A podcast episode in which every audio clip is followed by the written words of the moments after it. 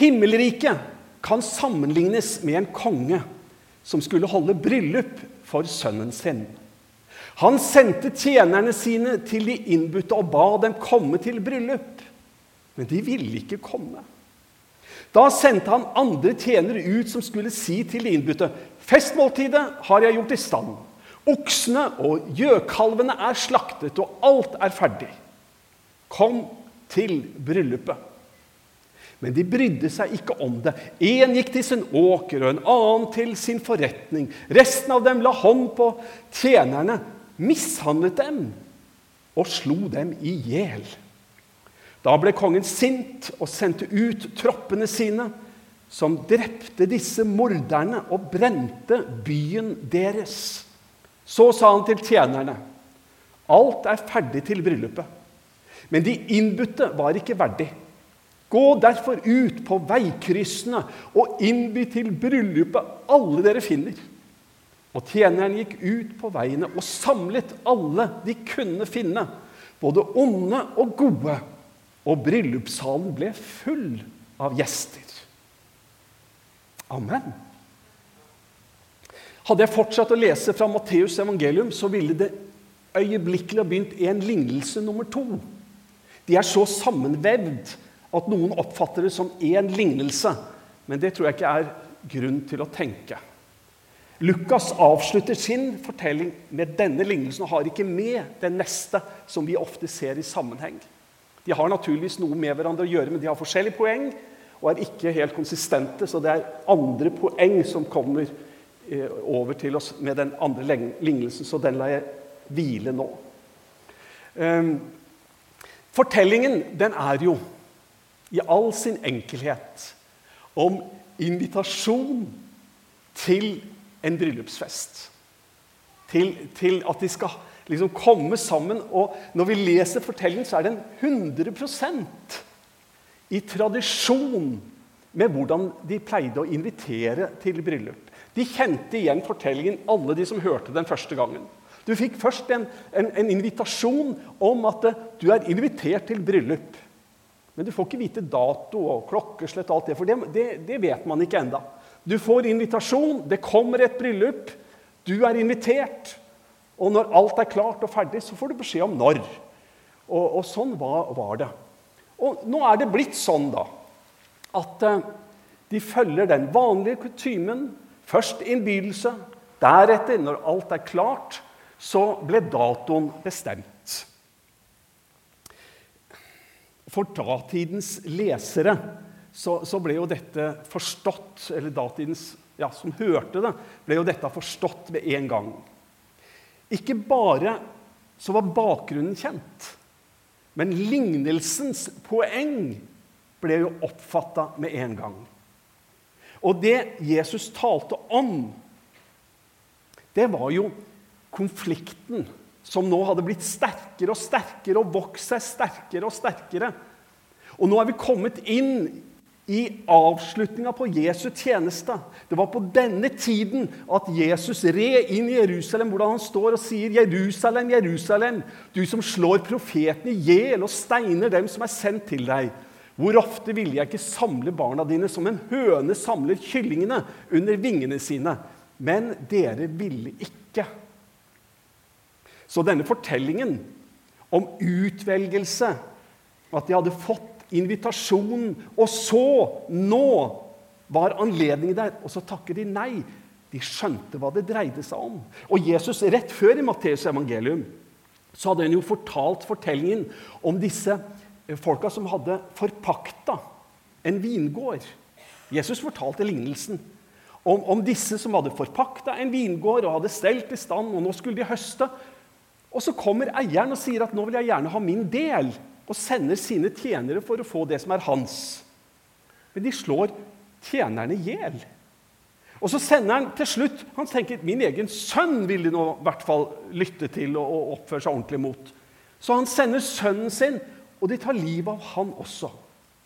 Den lignelsen hadde de friskt i minne. Så De skjønner settinga, hva Jesus sier. Fortellingen om disse forferdelige forpakterne den ligger der som et bakteppe. Så alle forsto hva Jesus talte om, og det var konfrontasjonen mot de jødiske og religiøse lederne. Og du vet at det, når det er slik at invitasjonen først blir sendt, så er det jo på en måte et ekko av det kall som var blitt gitt til israelsfolket som en nasjon, ja, som et folk. Hvordan de skulle gi verdens frelse. Ja, de skulle bli til velsignelse for alle folkeslag. Kallet var blitt gitt for generasjoner siden utvelgelsen hadde funnet sted. Og så nå, når Jesus var kommet, dagen var inne Guds rike er kommet nær. Det var det Jesus forkynte. Himlenes rike er kommet nær ved hans personifisering av himlenes rike. Han har kommet og levde midt iblant dem. Men de avviste invitasjonen. Og så er det tredje store i denne fortellingen. Det første er hvordan de var utvalgt fra begynnelsen. Det andre er at nå er dagen her, men de avviser den. Og det tredje det er jo at den begynnelsen da går til alle. På gater og veikryss. Til de som slett ikke venter det. De skal på en måte bare samles inn. De skal inn, for bryllupssalen skal bli full. For en fortelling. For de som reflekterer kanskje litt mer enn de fleste, og kanskje litt mer enn av og til hva sunt er. Noen av oss har det sånn. Eh, så er det et vers her som jo er litt vanskelig å forstå. Og eh, det, er på jeg, skal ikke kommentere det, men bare så vidt touche bortom det. Bare sammenhengen vers 7. Bare for å hjelpe deg til å sette det inn, så leser jeg vers 6. Resten av dem la hånd på tjenerne, mislandet dem og slo dem i hjel. Så langt fortellingen. Og så kommer vers 7. Da ble kongen sint og sendte ut troppene sine, som drepte disse morderne og brente byen deres. Og Så fortsetter vi i vers 8. Så sa han til tjenerne.: Alt er ferdig til bryllupet, men de innbudte var ikke verdig. Altså, Dette vers 7 er jo litt problematisk for noen av oss.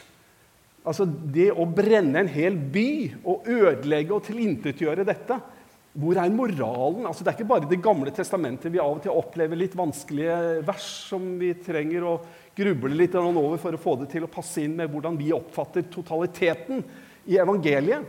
Men her leser vi da ble kongen sint og sendte ut troppene sine, som drepte disse morderne og brente byen deres.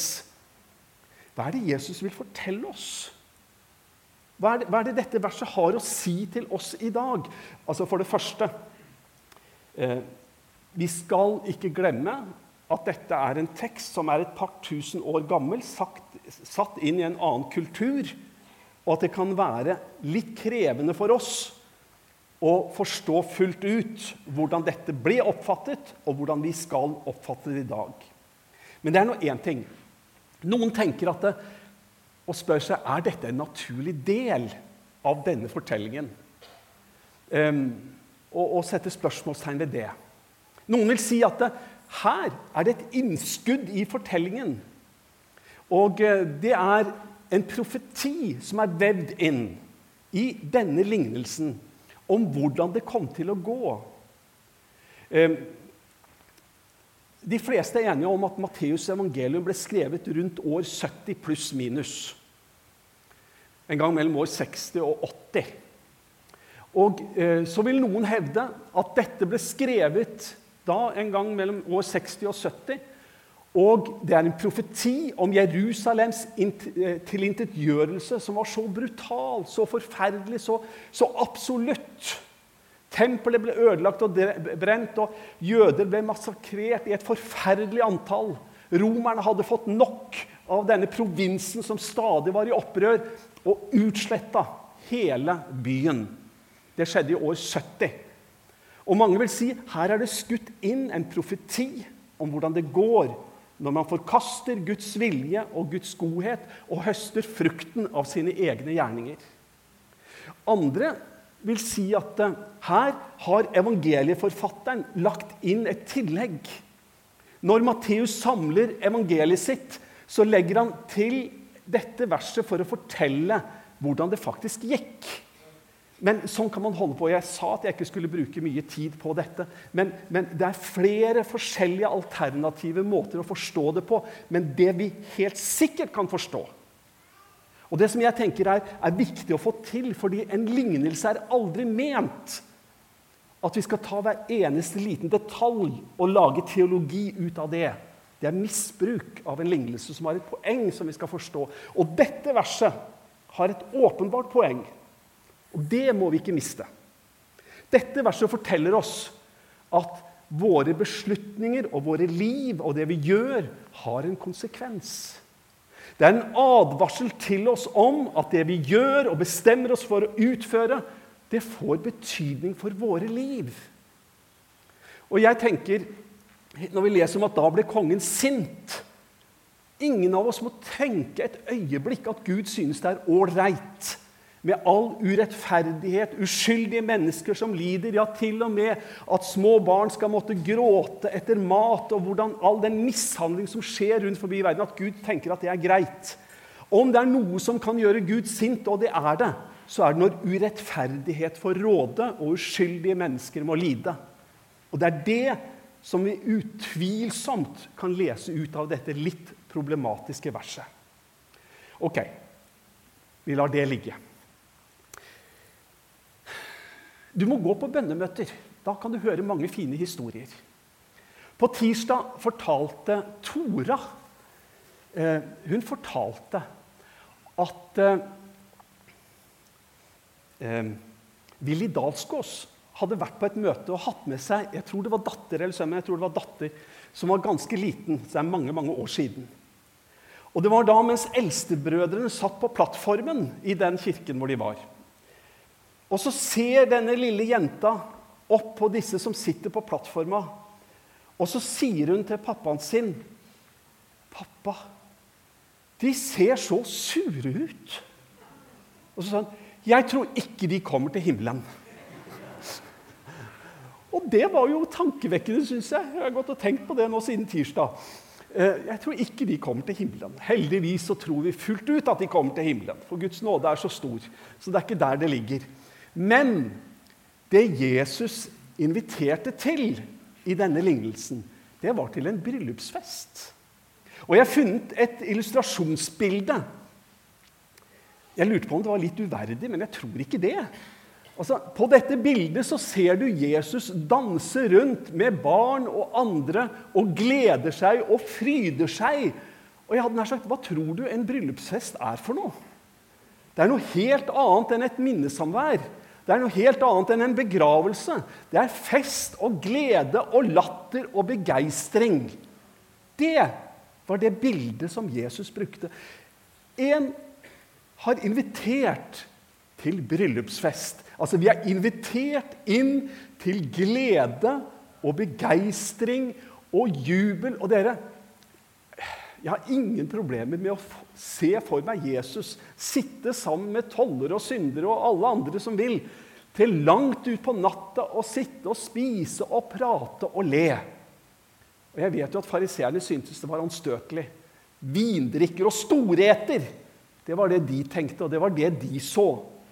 Mens Jesus var der og delte liv, og han delte gleder. Jeg har ingen problemer med å forestille meg Jesus. Selv om jeg tror nok at vel så ofte så var han alene ute i bønn og åndelig kamp. Så her er det ikke snakk om det ene eller det andre, men det er snakk om et fullverdig liv med både gleder og sorg, med både seirer og kamper. Og vi ble invitert altså inn til gledesfest. Fest og glede. Det er det ene fokuset. Det tenker jeg vi skal huske på. Det er fint å være frelst. Jeg er glad for at jeg er frelst. Og jeg er så frelst at jeg er glad, som han sa. Men det mente han ikke å si, men det bare blei sånn. Og så blei det kanskje enda mer riktig av det. Jeg er så frelst at jeg er glad. Du, det ene er det. Det andre det er at det, det er et lite fokus på hva som tar bort det rette fokuset Det tenkte jeg vi måtte få med oss. For at det, ikke bare det destruktive som holder oss borte. For det står de brydde seg ikke om det, altså invitasjonen. Én gikk til sin åker, og en annen til sin forretning. Og Det er ingen som mener at det er galt å gå til åkeren sin. Og det er ingen som mener at det er galt å gå til forretningen sin. Men det har noe å si med hva slags prioritering har man. Og jeg må si, Nå klarer jeg ikke å sitere alle de sangene, men vi har hørt mange sanger i formiddag av ungdommene våre. Og det har vært en gjennomgangsmelodi, et, et gjennomgangstema i veldig mange av disse sangene. Og det har vært at Jesus, du skal ha mitt alt. Det er at jeg innvier meg helt til deg. Og jeg tror egentlig det er der poenget ligger. Det er ikke galt å gå ut på åkeren, det er ikke galt å, å, å gå til forretningen sin, eller hva det måtte være. Men spørsmålet er egentlig hvor er hjertet? Hvor er fokus? Hva er, det, hva er det som betyr mest? Hva er viktig? Og for disse menneskene så var dette så viktig at de takka nei til kongens invitasjon til å være med i gleden og bryllupsfesten. For disse tingene ble viktigere for dem. Og da skjønner vi jo alle egentlig hva poenget er. Jesus forteller en fortelling fordi at eh, det skal tydeliggjøres hva som er viktigst for oss, og hva slags gode unnskyldninger som er i bunn og grunn forferdelige dårlige unnskyldninger når vi ser det inn i den riktige sammenhengen. Det tredje i denne sammenhengen, altså ikke bare det destruktive som holder oss borte, men det er på en måte lignelsens fokus. Det er at nådeinnbydelsen går til alle.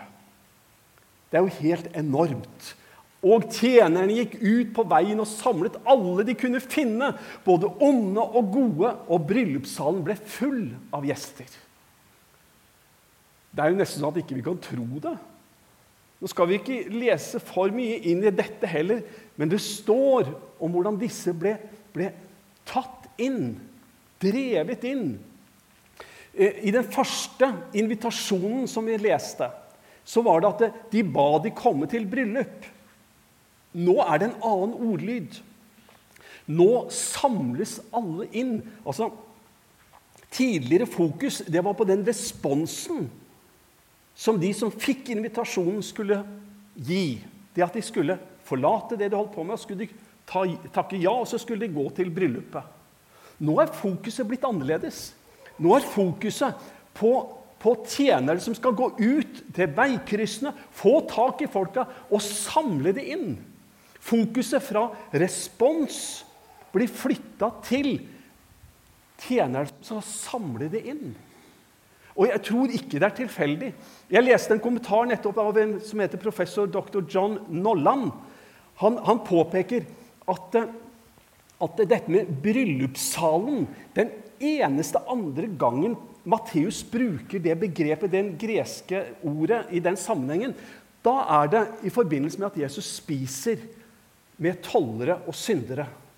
Og liksom ekkoet er jo helt tydelig når de tenker på disse to sammenhengene. De samles inn fra gater og streder, ja, veikryss overalt. Og de bare samles inn fordi at bryllupssalen skal bli full. Sånn er det. Fokuset skifter fra hva jeg skal gjøre, til at han kommer og samler oss inn til seg. Du, jeg tror det er et bibelvers, og det skal jeg avslutte med. Jeg tror det er et bibelvers som summerer opp denne lignelsen på en fantastisk måte for oss. Ja, den er sagt, Dessverre så er den nokså utfordrende også. Men det er et bibelvers som jeg tror på en måte konkluderer hele denne lignelsen. Og det er dette. Høsten er stor, men arbeiderne få. Be derfor høstens herre sende ut arbeidere for å høste inn grøden hans. Altså, Fokus er at du og jeg, som har fått lov til å ta imot evangeliet, som har blitt funnet, som har blitt løfta opp, som har blitt båret, og som er i Guds allmektige armer. Vi har en oppgave. Og, og, Vi skal be høstens herre drive arbeidere ut. Og vi skal selv få lov til å stille oss til tjeneste. For rundt forbi, ved veikryss, gater, streder, overalt, så er det folk som enda ikke har hørt invitasjonen, men som er nå invitert. Og vi har fått et kongelig bud om å gå ut overalt hvor vi måtte være. Få tak i folk, bare samle de inn. Få de inn. For bryllupssalen skal bli full. Og du, bryllupssalen, den kommer til å bli full. For det er den allmektige Gud som har gitt oss et oppdrag, og som gir oss kraft og styrke. Og vi får lov til å gå ut og gjøre det virkelig, det som Herren har sagt. Og må Gud hjelpe oss i den tjenesten og i den oppgaven. I Jesu navn. Amen.